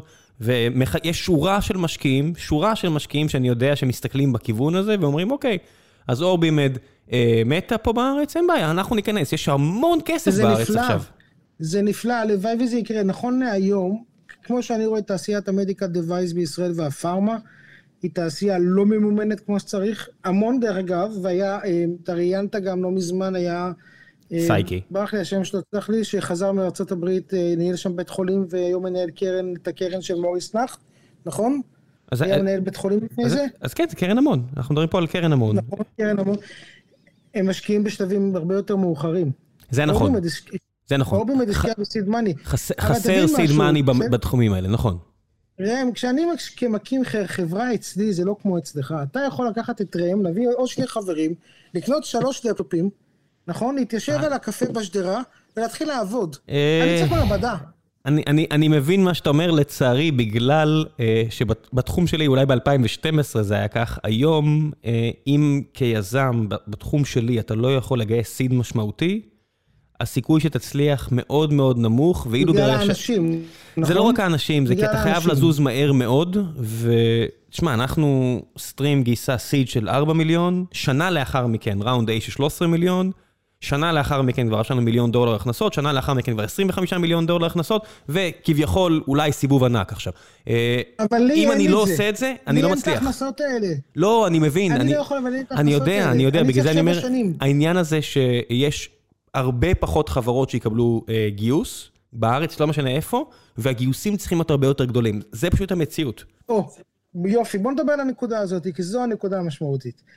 היום אתה בא עם רעיון, תלך למדען הראשי, תקבל 250 אלף דולר, הקמת חברה, ואז אתה רואה בכל הפרסומים, במדינת ישראל יש 2,800 חברות מדיקת דווייס, אין, יש אולי 30. נכון, נכון, נכון, זה, זה, זה, זה, זה, זה מה שנקרא dead in the water. כסף, כמה כסף עד היום המדען הראשי שפך על חברות מדיקה דווייס שלא קרה איתם כלום. אני חושב שמאות מיליוני שקלים. אני, אני אופתע מאוד עם פחות מ-200 מיליון, כן. אני שנים מנסה להגיד להם, תפסיקו, תקימו cluster. שבו היזם בא, נותן את הרעיון שלו, יהיו שם חברות מקצועיות שיודעות לבחון האם אפשר להקים, לעשות prototype בזה ואז לבנות חברה. אי אפשר לשפוך כסף על כל חברה, כי חברות לא יכולות, אתה לא יכול לעשות מוצר בשוק הזה בפחות מחמישה עד עשרה מיליון דולר, אתה לא יכול. אני, אבל אני... הם שופכים כסף, שילו, לאוויר, אני... זורקים אותו לפח. אני, אני אומר לך, אני מרחיב את זה להיום להכל, אתה רואה את אה, אביגדור וילניס שעושה את זה עכשיו עם חברות שבבים, היה פה כל כך הרבה שנים, לא היה פה חברת שבבים. אתה יודע, אחרי, אה, אה, לפני 15 שנה אמרו, זהו, השוק מתרוקן, מת, כולם עברו לעשות תוכנה, ואתה רואה שהגיע בן אדם. עם זוג ביצים של בת יענה והיכולת, בגלל מההצלחות שלו לשים עוד ועוד כסף, ואתה רואה שפשוט הוא מרים פה חברת שבבים אחת אחרי השנייה, בלי שאף אחד שם לב, הוא לא מוכן להתראיין אצל אף אחד. אולי עכשיו פעם אחת הוא הביא איזשהו, לעניות דעתי רעיון לכלכליסט או דה מרקר, אתה רואה שאלא אם כן יבוא בן אדם ויעשה את זה, זה לא יקרה.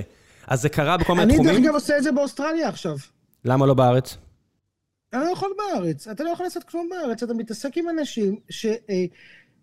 חוסר הפרגון הזה, בתחום שלי, אני מדגיש, אצלי, אני לא מכיר את הטק. אני, כן, אני אני גם לא מכיר מספיק חברים, את הביומד של הגלגל. אבל לא מספיק חי את העולם של הטק. אתה חי בחוסר פרגון, אתה חי עם אנשים שלא רוצים שתצליח. לא רוצים שתצליח. הלו, מה זה לבוא קרן? מה זה VC שבא לחברה שמפתחת עכשיו מוצר שיכול להיות שווה מיליארד דולר באקזיט, וגם יותר. כן. נותן לו שלושה מיליון דולר, אמרת, תצליח, איך אני יכול להצליח עם שלושה מיליון? רק ה-FDA יעלה לי חמישה-שישה מיליון דולר. עכשיו, אתה שולח אותי אחרי זה לארה"ב לגייס את הכסף, מה הם שואלים אותי? רגע, מה אורבימד עושה איתך? אבל באמת לא רוצה לתת לי עוד כן. כסף, כי הוא מניאק. ברור. זה הסימן הכי רע, אם אתה מגייס עם משקיע רע, אתה מת במים. למה? בדיוק מהסיבה שאמרת, המשקיעים החדשים אומרים, למה המשקיע הקודם לא השקיע? אם הוא לא השקיע, כנראה שהוא יודע משהו, אתה מת במים, נגמר, החברה מתה, אתה נכון. מבזבז את הזמן שלך. והוא משמיד לך בתהליך, הוא משמיד לך את כל הסיד מאני שלך, כי הוא מתנהג אליהם חרא. שתבין... והם לא מוכנים כן. לשים עוד כסף. שילה, שתבין שבתעשיית הווב והמובייל והכל, היו משקיעים כאלה, היו משקיעים כאלה, פשוט האבולוציה מחקה אותם. היום המשקיעים צריכים להיות מיינצ'ים. אני אומר לך, אני לא סתם אומר לך על הבן אדם הזה שאני לא, לא אציין את שמו. כי אתם חזקים. כי אתם כולם חזקים, כי גם הם חזקים, גם הם התחזקו, כולם אנחנו חזקים. אנחנו לא חזקים. נכון. המדיקה דווייס לא חזק. עדיין. הוא לא חזק כרגע. בגלל... מה? כרגע. מה זה? עדיין לא, כרגע. הלוואי, בשביל זה אני פה. כי אני, אני, אני אומר לך, הרעיונות שיש בישראל במדיקה דווייס ופארמה, ג'ין אדיטינג, אוקיי? מה שדוד ברם עושה באמנדו, זה לשנות את העולם, לא בכאילו ולא בבערך. הבן אדם הזה לוקח את העולם ועושה לו, הופך אותו, והולך לטפל במחלות גנטיות שילדים סובלים מהם ולגאול אותם מייסורים. אתה יודע איזה דבר מדהים זה? אתה יודע כמה כאלה יש בישראל? אתה יודע איזה מוחות מסתובבים בארץ, איזה מוחות מסתובבים, יושבים להם במאונט סיני ובהרווארד, חבר'ה ישראלים, שהם רעיונות, אין לך מי שייתן להם כסף. כן. המדען זורק להם 200 אלף דולר, ה-VC האידיוט הזה זורק לו 2 מיליון דולר, מה הוא יעשה עם 2 מיליון דולר? אני צריך מעבדה, אני צריך להשיב שם 30-40 אה, אה, חלוקים לבנים, כן. שיעבדו, זה 20, אותו חברה מוקמת בארצות הברית, 60, 60, 70 מיליון דולר. כן, אנשים מדברים על, uh, על הוואלי בתור האב, ומדברים על תל אביב בתור האב, זה נכון, ועל סטוקהולם, ועל עוד כמה מקומות, קצת שוכחים שבוסטון הפכה להיות אימפריה של uh, יזמות, בדיוק בגלל התחומים האלה שאנחנו לא מכירים מספיק בארץ, וזה שאנחנו לא מכירים ואין את הידיעה על הפוטנציאל, יש, יש שם חברות כמו מים. כמה ישראלים? הרבה מאוד. תגיד, מי עומד מאחורי הסופר mRNA? אתה יודע? לך תבדוק, בחור בשם ליאור זנגי, שיושב במאונט סיני, היום אחד החברה הראשונים, ועשו סופר mRNA בהרווארד. שממנה, שמתוך המעבדה הזאת קמה מודרנה. חבר'ה ישראלים יושבים שם מאחורי זה. עכשיו, אה, אה, יש, אני אומר לך, כמות הרעיונות שיש בעולם הפארמה והמדיקל בישראל, היא מדהימה, היא תהפוך את העולם. אין לך שוק, אין לך תרבות, אין לך מי שישים כסף, אין לך את אורבימד, שיכול להפוך את, את, העולם הזה, ונפלו שם עם, אה, אתה יודע, עם שני, שני מנהלי קרן. שרמה נורא נורא נמוכה של תרבות, של אה, אה, איך, בלי שום רצון לגדל חברה, בלי שום רצון יזמים. אני דוגמא אספר לך סיפור, אני באתי לשטיב סקווינטו, לא אומר לך כלום הבחור, אבל הוא אה, שותף בקרן האמריקאית, הוא הקים חברה לפני, נדמה לי 25 שנה שפיתחה תרופת אורפן, זו תרופה שמטפלת בדבר מאוד מאוד ספציפי, חברה ששווה, אני חושב, איזה 80 או 90 מיליארד דולר. הבחור עצמו שווה כמה מאות מיליון דולר, ואמרתי לו, סטיב, תעשה טובה, קח את המנכ"לים הישראלים של החברות של אורבימט, שאתה טוען שהם לא מספיק טובים, ותחבר אותם למקבילים שלהם בארצות הברית, ושילמדו מהמקבילים האמריקאים שאתה טוען שהם כל כך טובים. וככה נפתח, אתה יודע, מנהלים חדשים, מנהלים טובים. אמר לי, תקשיב, זה רעיון מדהים. אחרי חצי שנה, אני אומר לו, מה קורה עם זה? אומר לי, ניסים לא רוצה. בגלל שזו תעשייה שאין בה שום פרגון. זו תעשייה שלא מנסה לגדל אנשים. אני, אני פה באוסטרליה, באתי לאיזשהו קרן, אמרתי לו, תקשיב, מה הבעיה שלכם האוסטרלים? הוא אומר לי, אנחנו לא יודעים להקים חברות. אמרתי לו, מה אני יודע לעשות? מה אתה יודע להקים חברות? אמרתי לו, תן לי כסף, אני אבחן את הרעיונות, אני אביא מארצות הברית אה, סטודיו שיקים פה סניף, ואנחנו נפתח את הפרוטוטייפים, ונוצאים, ונקים חברות. הוא אומר לי, אין בעיה, אנחנו מגייסים כסף ביחד. הוא מבין מה חסר לו ומה אין לו, ואומר בוא נעשה את זה. עכשיו בישראל תנסה לבוא ולעשות משהו. יש לך, יש, אני, אני מקווה, אם אני מסבך אותך בפוליטיקות, תעצור אותי. שים לב שאני סותם את הפה, אני נותן לך לדבר, כי אתה יודע, דבר. אין בעיה. יש גוף שנקרא IAT, שאמור לייצג את היזמים בתחום הטכנולוגיה הביוטק בישראל. אני רוצה לשאול אותך שאלה, איך יכול להיות אותו גוף שמקבל כסף מקרנות לייצג אותי היזם או המנהל? שלא נדבר על זה שהגוף הזה לא עושה שום דבר, חוץ מלקדם את המנכ"לית שלו אין סוף. כאילו, הזיה, זה כמו ביבי, סוג של ביבי בתעשייה, הדרה עצמית מטורפת. אין מי שדואג ליזמים, אין מי שדואג, אין מי שדואג למנכ"לים שצריכים הרבה פעמים עזרה. אין מי שעוזר להם. עכשיו, זה לא שיש איזה קרן שאומרת, קחו את העשרה מיליון דולר הראשונים, אני אקח לך 70 אחוז מהחברה. אני אומר לך, לי כיזם, אתה בא אליה עכשיו ואומר לי, קח עשרה מיליון דולר ראשונים, תגיע למוצר, אני נותן לו 70 אחוז מהחברה. אבל בסופו של דבר אני אשאר עם 5 אחוז בחברה, נכון? לפחות שיהיה לי מוצר ביד ואני אהיה שווה כסף. כן, אני אחלוק על דעתך שבסוף האחוזים זה לא רק מי יקבל אה, פיסה מהאקזיט, בסוף זה עניין של שליטה בחברה, אה, מעבר לזה שבדירקטוריון, אתה יודע, זה לא פרו-רטה, אלא באמת לפי הצבעות, אבל שיש מישהו עם 70 אחוז בחברה, החברה גם סוג של מתה במים. מה לעשות? נכון, בגלל ש...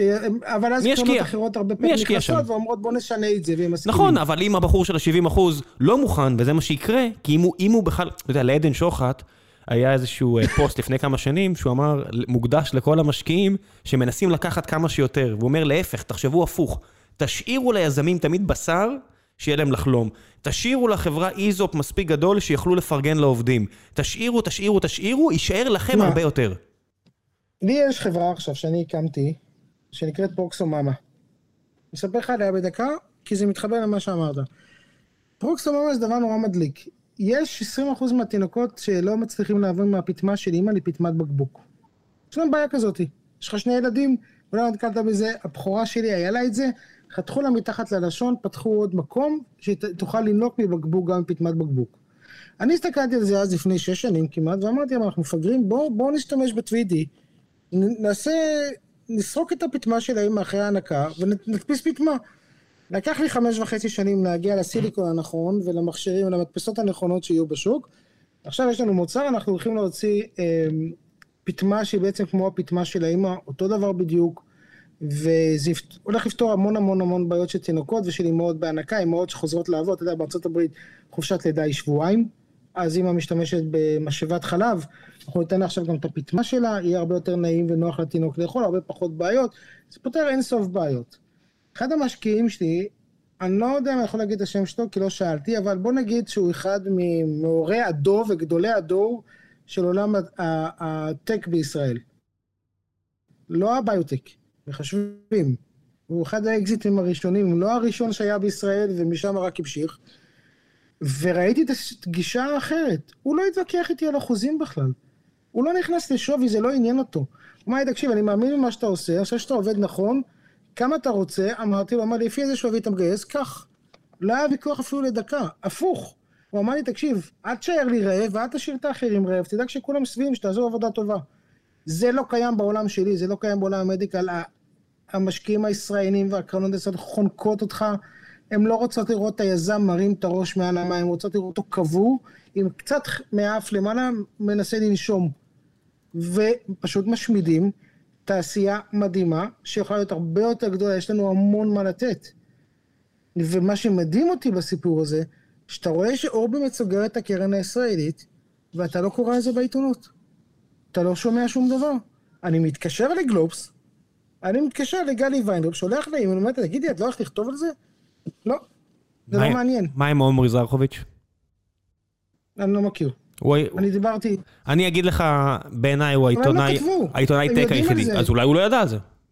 אין דבר כזה, מה זה בן אדם שבתחום, הקרן הכי חשובה בישראל, הכי חשובה בישראל. אה, אל תזלזל, אתה יודע, דברים שנראים לי מובנים מאליהם, אני אומר, איך הם לא כותבים על זה? אני אומר, בסוף תחשוב, יושב שם עומרי, שבעיניי הוא עיתונאי פנטסטי וכותב פנטסטי, ואיש באמת שאני, עכשיו הוא עבר לדה מרקר מכלכליסט, אני מאחוריו במאה אחוז, והוא מוצף בידיעות. ומציפים אותו בבולשיט, כל חברה רק עסוקה בסיבון ואתה יודע... אבל אתה יכול להשוות את זה לזה שהקרן שהיא הפורים והתומים של עולם המדיקל לא- והפארמה בעולם. אני מוכן להתערב שאם עכשיו אני אשלח לו, אני אגיד לו תאזין, הוא ידבר איתך. מוכן להתערב. קדימה. אני חושב שהדבר הזה צריך להגיע לתחקיר שיבין ויעשה שינוי בתעשייה. אין דרך, אני לא מצליח לגרום לזה. שמשרד הכלכלה יפסיק לזרוק את ה-200 אלף דולר האלה לכל חברת מדיקל, העיקר שהיזם, אתה יודע, אנחנו צוחקים, עושה ליסינג, לוקח מזדה 3, מדפיס כרטיס ביקור, והנה יש עוד חברת מדיקל דווייז, אבל זה לא נכון, זה לא עובד ככה. תרכזו את הכסף, תיתנו, תחליטו שאתם נותנים ל-30 חברות בשנה. מה-30 האלה יצאו 10, יש לך 10 חברות גדולות שיכולות להעסיק אנשים, יכולות לפתח את החברות הבאות, המוצרים הבאים. תשמע, אנחנו... אני אומר לך את זה מידיעה, לא באיזה, אני חי במקומות האלה, אני נפגש עם בכירים במטרוניק, אני נפגש עם, אני חי, אני, אתה יודע, מבלה את רוב הזמן שלי במיניסוטה בכלל. הם מעריצים אותנו. את החבר'ה של המדיקה דיווייס והפארמה הישראלים, הם יודעים שאנחנו באים רעיונות, דרך חשיבה שאף אחד לא חושב עליו. אנחנו באים, אתה יודע, הפוכה, ופותרים בעיות בצורה מדהימה. אבל אתה לא יכול לעשות את זה כשנותנים לך 200 אלף דולר, אומרים לך תקים חברה. מי יכול להקים חברה ב-200 אלף דולר, ואז זורקים לך, אתה יודע, הנה עוד 2 מיליון דולר, ולקחנו לך 80 אחוז מהחברה. עכשיו לך תנסה לגייס כסף, שהאמריקאי בכלל מסתכל ואומר, רגע, רגע, למה ליזם יש 5% בחברה בשלב כוח מוקדם?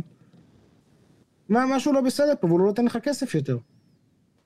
אי אפשר לעשות את זה, מישהו צריך לעשות שינוי, ואין לך עם מי לדבר. בגלל זה אמרתי לך על, בגלל זה אמרתי לך על ה-70 אחוז, זה פשוט לא עובד, מה שאמרת. זאת אומרת, זה פשוט לא נכון, נכון. זה פשוט לא עובד ככה. נכון, כן, ואני אומר, אני, אתה יודע, אני מנסה לעורר שיח באיזשהו מקום, שמישהו יגרום לזה, שתהיה, שיסתכלו על זה מחדש, כי אנחנו באמת, אתה יודע, אני אומר לך, העיבוד של אורבימד, לדעתי, זה אה, ישפיע מאוד מאוד חזק, המון, יש להם, אני יודע, יש להם איזושהי קרן קטנה יותר להשקעות סיד, זה לא מספיק, זה לא יעודד חברות, הם גם משקיעים קצת מדי כסף, צריכה להיות שינוי גישה, אל תשקיעו ב-50 חברות, זה לא מעניין. קחו חמש חברות בשנה, תנו לכל אחד 10-15 מיליון דולר, תקימו תעשייה. למה צריך להשקיע ב-100 חברות? מה הקטע? אני עם זה לגמרי מסכים. טוב, בוא נעשה קצת שאלות מהקהל. ולפני שנגיע לשלב השאלות מן הקהל, אה, דבר המפרסם. היי hey, חברים, לפני שנגיע לשלב השאלות מן הקהל לשילה, אני רוצה לספר לכם על נותני החסות הנוספים שלנו לפרק הזה. והפעם זו חברת סטרים אלמנטס, חברת סטרים אלמנטס בה אני ושלל אחרים אה, עובדים, מחפשת לאייש לא מעט משרות, אנחנו בתקופה של גדילה מאוד מאוד מסקרנת ומעניינת. אנחנו נותנים ערך לכמעט מיליון יוצרי תוכן, בעיקר בווידאו, ברחבי העולם, ונותנים ערך גדול מאוד, לפחות ככה אנחנו מקווים ומאמינים, למפרסמים ולצופים. וזו תעשייה מרתקת, כל מה שקשור לקריאייטור אקונומי, כשאנחנו התחלנו לא היו הרבה חברות בתחום הזה, ועכשיו זה מתפוצץ לכל כיוון אפשרי, והחברה מאוד מאוד יציבה פיננסית בזכות כל מיני דברים שקרו לאחרונה, ואולי נוכל לספר עליהם בהמשך, ובעקבות כל מיני דברים שקרו, ובעקבות המטרות המאוד אגרסיביות ומעניינות שהצבנו לעצמנו, אנחנו מחפשים לאייש כאמור לא מעט משרות, החל מדאטה אנליסטים, מעצבים, המון המון טכנולוגים שאנחנו רוצים להוסיף לחברה, אז אם את מנהלת פיתוח מעולה, אם אתה מתכנת מוכשר, אם את מנהלי מוצר עם המון המון תשוקה לדרך שבה אני וגיל היר, שמספר אחרים בחברה מדברים, שזה הדרך של מרטי קגן, כל מה שקשור ל-empowered products, אם בא לכם לעבוד בחברה שבאמת מנסה לתת את הכוח למנהלי מוצר להגשים את כל מה שהם חושבים שצריך לעשות כדי לנצח, אנחנו מחפשים אנשים שרוצים לנצח, שרוצים לבנות דברים משמעותיים, כנסו לעמוד הקריירות של סטרים אלמנטס, יש שם שלל משרות שמחפשות להיות מאוישות על ידי אנשים מוכשרים, ומעבר לכך יש עוד כמה משרות שאנחנו מחפשים עדיין אה, בצורה דיסקרטית, אז כאמור אם אתם בכירים בחברה כזו או אחרת, מנהלי פיתוח, מנהלי מוצר, מנהלים של מנהלים, גם אם אתם חושבים שאנחנו לא מחפשים, אנחנו מחפשים. שלחו לי מייל, או שתגישו מועמדות דרך האתר של החברה, ונחזור אליכם, ובתקווה אה, ויהיה מעניין ונוכל לשתף פעולה ביחד. ועכשיו, בחזרה לפרק. וחזרנו. אה, ליאור טפר, מאזין אה, מאוד מאוד הדוק של הפודקאסט, שואל, בכמעט 20 השנים שבהן אני חולה בסכרת סוג אחד, לא עובר שבוע בלי הבטחה חדשה לפריצת דרך משנה מציאות, שבסופו של דבר לא מתממשת. איפה לדעתך כן. המכשולים העיקריים, ואיפה תהיה פריצת הדרך המשמעותית הבאה? אני חושב שהפריצת הדרך המשמעותית הבאה תהיה בתאי בטא, שיוכלו להשתיל בגוף ולהפוך את זה בעצם לאיזושהי, אה, אתה יודע, לברוא את הלבלב מחדש. אה, ליאור קח 20 שנה קדימה, זה מה שיהיה, לא פחות מ-20 שנה. אה, הבעיה הגדולה ביותר בתחום הזה, שחברות התרופות הגדולות לא משקיעות בזה כסף. אינסולין זה אחד השווקים הכי גדולים בעולם. ולכן אה, הם לא מוכנים להשקיע בזה מספיק, זה לא מעניין אותם, הם רוצים למכור אינסולין, הם רוצים למכור אה, תרופות ולמכור משאבות ולמכור סנסורים, אבל 20 שנה מהיום, אני חושב שאנחנו אה, נסתכל על סכרת נעורים וניפרד ממנה. אבל זה 20-25 שנה, לא פחות. כן, אנשים צריכים להבין ש... דרך אגב, אם אנחנו מכניסים את זה, אני רוצה לספר לך משהו שגיליתי, שזה מתחבר לאחד הפודקאסטים הקודמים שלך. אתה יודע, בארצות הברית יש איזו תרופה שאני משתמש בה, והייתי צריך לקנות אותה ללא מרשם, ביקשו ממני 700 דולר. אותו תרופה קניתי שבוע שעבר באוסטרליה, אתה רוצה לנחש בכמה? ללא מרשם. 10-20 דולר, לא יותר. 36 דולר. אוסטרלי. כן. כן. לא, לא, יש, יש, ב... יש המון המון המון דוגמאות כאלה, כל מה שקשור... שמע, אני תמיד משתמש בדוגמאות עכשיו לאחרונה, מה ששמעתי זה פשוט פיצץ לי את השכל. שאחוז מהתקציב הפדרלי האמריקאי הולך לדיאליזה. אחוז שלם, אחוז הולך לדיאליזה, בעיות בכליות. מה, כמה הולך לאינסולין? אני מניח ש, שהכמות של הכסף היא עצומה, ואילו בגלל שהאוכלוסייה משמינה, ועזוב סכרת של גנטיקה והכול, יש פשוט הרבה יותר מקרי סכרת ש, שנוצרים, כן. ובעיות בכליות. ומטפלים היום, ויש שינוי מאוד גדול, כי בעשר שנים האחרונות מתחילים לטפל בסכרת טייפ 2 עם אינסולין גם. אז כמות האינסולין הולכת ועולה, המחיר לא יורד. וסטטינים, ו... ובעיות לב, וכל הדברים האלה, אתה יודע, למה, באמת, אני לא הולך לקונספירציות, אבל האינטרס למצוא תרופה, אה, בוא נגיד, טובה, הוא מתגמד לעומת היכולת למכור אה, משהו למשהו כרוני. אבל, אבל יש כמה חברות מאוד מאוד מעניינות, יש התפתחויות מאוד מאוד מעניינות, אני פשוט לא חושב שזה יהיה לפני עוד 20-25 שנה.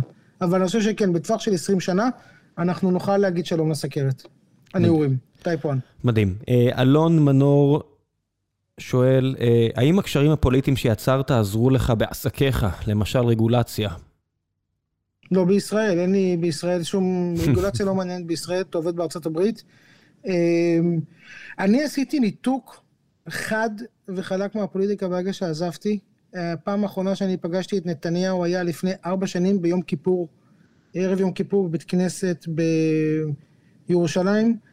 אה, הוא דיבר איתי חמש דקות, השאלה שהוא שאל אותי הייתה איך הרגל שלי, כי כשעבדתי איתו קטעו לי אצבע מהרגל, בגלל הסכרת. אני איבדתי שני אצבעות.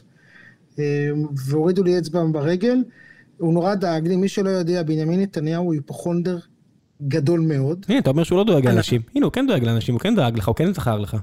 אני חושב שאני היחיד. לא יודע, אולי לא. תשאל את בן כספית, הוא יודע את הכל. אני חושב שאני היחיד שהוא גם הרים טלפון למנהל הדסה ושאל אותו איזה אנטיביוטיקה אני מקבל. זה נורא מתאים לביבי דרך אגב, הוא נורא אוהב את הדברים האלה כי הוא היפוכונדר ענק. אמ, אני איבדתי אצבע כבר אז, אבל אה, לא. הבנתי. אוקיי, לא אז לא, עוזר. אמ, כאחד, דניאל ברקן שואל, אה, כאחד שמכיר את החברה החרדית, איך לדעתך החרדים רואים את עתיד מדינת ישראל? האם לדעתך המדינה תוכל להמשיך להתקיים כלכלית כשהם יהיו 30% מהאוכלוסייה? והאם יש סביב העניין הזה דיון בתוך החברה החרדית? אוקיי, okay, אז אנחנו פספסנו את הנקודה הזאת בשיחה שלנו, ראם, ואני רוצה לחזור רגע לפודקאסט שלך, שהיה לפני כמה חודשים עם הרב, אה, עם חיים... אה, אמסלם. באחלה שם אמסלם.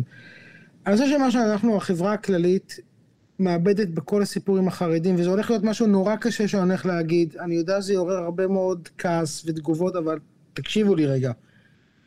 כשאתה חרדי אתה גדל עם ידיעה שאתה בן מלך, זו ההגדרה. בן מלך, וכל האחרים צריכים לשרת אותך. והם גדלים מתוך מודעות מלאה לזה שהחילוני והדתי-לאומי צריך לשרת אותם. ועד שאנחנו לא נבין שזו המנטליות, אנחנו לא נצליח להתגבר פה על כלום. כל הסיפורים על החרדים שהולכים לעבוד, ללמוד, זה הכל נחמד. אח שלי הלך, למד בגיל 50 להיות אח. הבן שלו כבר, אתה יודע, בגיל 25 הלך ללמוד אח, אבל הפנימיות, המושג הזה, שאנחנו בני מלכים והם ישרתו אותנו, זה הנזק שלנו. כי מבחינתם, אנשים שאלו, תגיד, איך בקורונה לא היה אכפת להם? אני אגיד איך לא היה אכפת להם. ממש לא מזיז להם אם ראם ימות או יחיה. אין לו משמעות. לקיום שלך, לקיום שלי, אין משמעות בעולם הזה, כי אנחנו לא תורמים ללימוד התורה שלהם. אם אנחנו, אנחנו, ועכשיו זה יכול להיות, דבר אחר, זה יכול להיות איזה שבבניק שמסתובב ברחוב. והוא יראה אותך ברחוב ויגיד לך אין שום ערך לקיום שלך. רק לקיום שלי, אני בן מלך. ודרך אגב, צריך לשים לי נקודה מאוד מעניינת. השינוי הזה קורה עם גפני. לא מדברים עליו הרבה, אבל עד גפני, יש שני נציגים חרדים שקוראים להם מוני שפירא, אברהם שפירא ושלמה לורנץ, שהם אנשים חרדים לחלוטין, עם יחס אחר למדינה. כנראה בגלל שזה היה הרבה יותר קרוב לשואה. הם באו אחרי השואה, היה להם משהו הרבה יותר חם כלפי המדינה. גפני מביא לתוך החרדיות הזאת, הוא, הוא עושה שינוי שם, ומי שלא גדל שם לא מבין את זה. השנאה, הבוז, שיש להם כלפי חילונים ודתיים לאומיים, אם אתה לא שם אתה לא מבין את זה. אם אתה לא שם אתה לא מבין איך אתה גדל מתוך ידיעה שכל חילוני צריך לעבוד בשביל לשרת אותי. ואם הוא לא נותן לו מהכסף שלך, אתה לא מעביר אותו אליו ללמוד בישיבה, אז בכלל אין לך שום קיום, תמות מקורונה, תמות ממחלה, את מי אתה מעניין? זו הבעיה הגדולה. זה לא בעיה כמה ילכו לעבוד, זה לא בעיה, אנחנו לא נצליח לעמוד בזה. השינוי, השינוי הזה צריך לעבוד שם מאוד מאוד עמוק. להפסיק להסתכל על האחר, כאילו אין לו שום קיום אחר בעולם חוץ מלשרת את החרדי. כשזה יקרה, הכל יסתדר. אבל בינתיים רק מחזקים את זה, ואתה יכול לראות את זה באסון במירון, ואתה יכול לראות את זה בקורונה, אתה יכול לראות את זה לאורך כל הזמן. הם פשוט לא מעריכים אותנו, אנחנו יכולים למות, זה לא מעניין. תגיד, עשית... זו האמת. סגרת מעגל עם אבא שלך מתישהו? לא. זה גם לא יקרה. הגשר הזה נשרף? זה, יש דברים שאתה... אתה יודע, אני לא כועס. אני לא מסתובב עם כעסים, אני לא מסתובב עם שנאה, אני לא מסתובב עם... אה, אה, מה עשית לי, אתה יודע, גלי ויינרב לפני כמה שנים עשתה עליי ועל דוד כתבה בגלובס, ומישהו שלח לי את הפייסבוק שלה, והוא כתב שם נעצות עליי, את תשאל. התקשרתי, ביקשתי, אמרתי, תורידו את זה. אני לא חי, אני חושב שאני מתנגד לעניין של לחיות בעבר, להסתכל אחורה ולהגיד אה, אה, מה היה ואני חי את זה ואני מסתכל קדימה כל הזמן ורוצה להמשיך הלאה ולעשות. אני לא רואה שום, שום תועלת ב... בפשוט, אתה יודע, איזשהו חיבור או פגישה, זה, זה גשר ש... לא שהוא נשרף, הוא פשוט לא קיים. מה שלא, לא. אין, אין לו קיום. אוקיי. בוא, נ, בוא נעבור לשלב ה... אתה יודע, אה, כן, כל אחד צריך בסוף לעשות את הבחירות האלה. אה, נכון. מערכות יחסים זה קשה. בוא נעבור קצת להמלצות. יש לך איזה שהן המלצות לתת לנו? אז חשבתי על זה, יש אה, ספר וסדרה. ספר, אני קורא עכשיו, אני ממש נהנה, בטח דיברתם על זה כבר ואני פספסתי, אבל מסע האנושות של אורי כץ ועודד גלאור, שמעת על הספר הזה? בוודאי, אני מאוד אשמח לארח את אורי כץ, ואני עדיין לא קראתי, הוא ברשימת הקריאה שלי המיידית. אני חושב שזה ספר מדהים, אני ממליץ עליו לכולם, הוא, הוא ממש סידר לי את המחשבות וסידר לי את הראש, מה קרה בעולם, איך מדינות מסוימות התעשרו, איך מדינות לא, אחרות לא, ולמה, אני חושב שזה ספר חובה. אמ, באמת ספר מדהים. וסדרת טלוויזיה, אני לא יודע אם דיברתם גם, אני מאוד אהבתי את The Bureau, אה, סדרה צרפתית. אני חושב שאני ממקם אותה בין זה נקרא? סדרות המתח הטובות. דה בירו.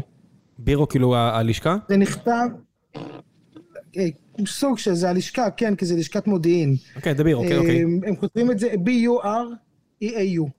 B-U-R-A... כן, אוקיי. A-U. דה בירו. זו סדרה צרפתית, אני חושב שהיא... אני שם אותה בחמש סדרות המתח הטובות אי פעם. אה, רק אזהרה אחת למי שמתחיל לצפות. לא תוכלו להפסיק את כל חמשת העונות, אז קחו זמן בחופש, כי אי אפשר פשוט להפסיק אה, לעבור מפרק לפרק. סדרה מדהימה. אמ, אני גיליתי לאחרונה את אמזון אה, פריים, אין לי הרבה זמן, אז uh, אשתי צפתה שם בפליבג שהיא מאוד נהנתה, uh, פחות דיבר אליי, אבל, ובאמת נהיית סדרה מעולה, אבל אני צופה שם מתי שיש לי זמן ביחד איתה, ב-The Mrs. Maisel, על תחילת... על ימי הראשונים של, אה, של, הסט, של הסטנדאפ עם אה, לני ברוס, וחלק מהדמות פיקטיביות, חלק לא, ועל היהודים בשנות ה-50 בניו יורק. אני כל כך נהנה, אני ממש ממש נהנה. אין לי הרבה זמן, זה, זה פרק, פרק בשבוע, אבל אני ממש ממש נהנה. מקווה שזה לא יתקלקל אחרי הפתיחה החזקה, אז זו ההמלצה שלי בינתיים. אוקיי, ניקח את ההמלצה ונצפה. נראה. שילה, תודה רבה רבה. בשמחה רבה, אני מקווה שנצליח לעורר שיח סביב התעשייה הזאת, כי זה נורא חשוב. גם אני חושב ככה, המון המון המון פוטנציאל. תודה רבה. תודה רבה. ביי ביי. חכה, חכה שנייה, תישאר איתי על הקו.